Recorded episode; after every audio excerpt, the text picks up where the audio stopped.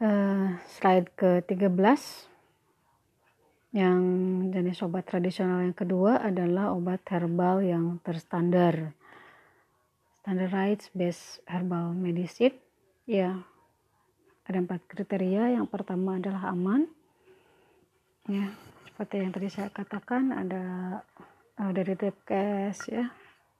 Kada kada, kada luar sa ya, itu aman. Kemudian klaim khasiat dibuktikan secara ilmiah. Jadi obat herbal terstandar ini sudah ada uji laboratoriumnya ya. Uh, contohnya misalkan apa obat herbal terstandar contohnya uh, apa antangin tolak angin ya. Kemudian uh, yang pabrikan-pabrikan besar itu kalau ada logonya seperti ini nih ada logo obat herbal terstandar ya bintang titik tiga bintang ini bintang tiga ini ini uh, berarti dia sudah dibuktikan secara ilmiah ya.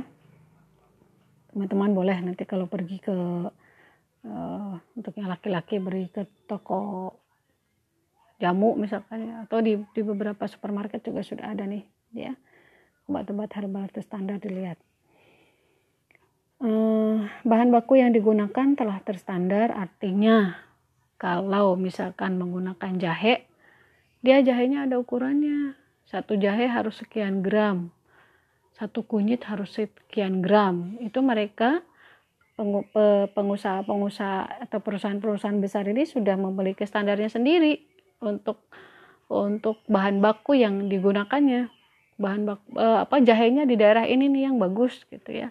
Atau kunyitnya di daerah ini yang bagus madunya madu ini yang bagus ya mereka udah punya standar sendiri kemudian memenuhi persyaratan mutu, higien, higienis, kemudian pengolahannya bagus, pengemasannya juga bagus, ya.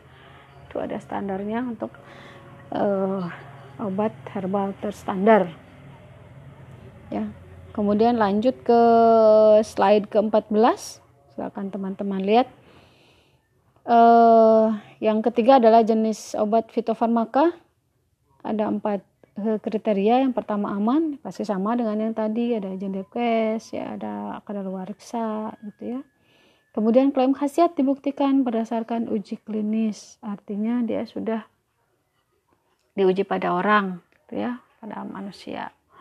Jadi oh ini ini bagus nih dampaknya nggak ada masalah kemudian menggunakan bahan baku standar sama dengan tadi obat hebat standar di ambilnya dari mana-mana-mana itu sudah ada standarnya sendiri untuk mereka. Kemudian yang keempat memenuhi persyaratan mutu juga sama ya. Yang menjadi pembeda antara fitofarmaka ya dengan obat herbal standar adalah di uji klinisnya. Dan yang eh, ini hanya beberapa saja yang sudah menjadi fitofarmaka ya. Fitofarmaka ini keunggulannya adalah dokter boleh meresepkan fitofarmaka. Jadi kalau ada stimuno gitu dokter boleh silakan Timono ya untuk di diresepkan. Nah, makin banyak sebenarnya yang menjadi uh, apa tanaman-tanaman tradisional ini yang menjadi fitofarmaka. Ini sebenarnya semakin enak lagi. Ya, cuman memang penelitiannya ini yang membutuhkan uh, effort yang tidak sedikit, yang membutuhkan dana yang sangat banyak ya. Tapi sebenarnya uh, effortnya besar nanti sebenarnya keuntungannya juga besar ya. Uh, jadi dari stimuno misalkan kandungannya dalam meniran meniran di pinggir got juga ada gitu ya. Tapi ketika dia sudah diolah menjadi bahan baku utama untuk stimuno ya harganya beneran jauh lebih mahal gitu ya dan ini yang belum belum belum ya terfasilitasi ya oleh pemerintah. Ya mudah-mudahan ke depannya bisa ya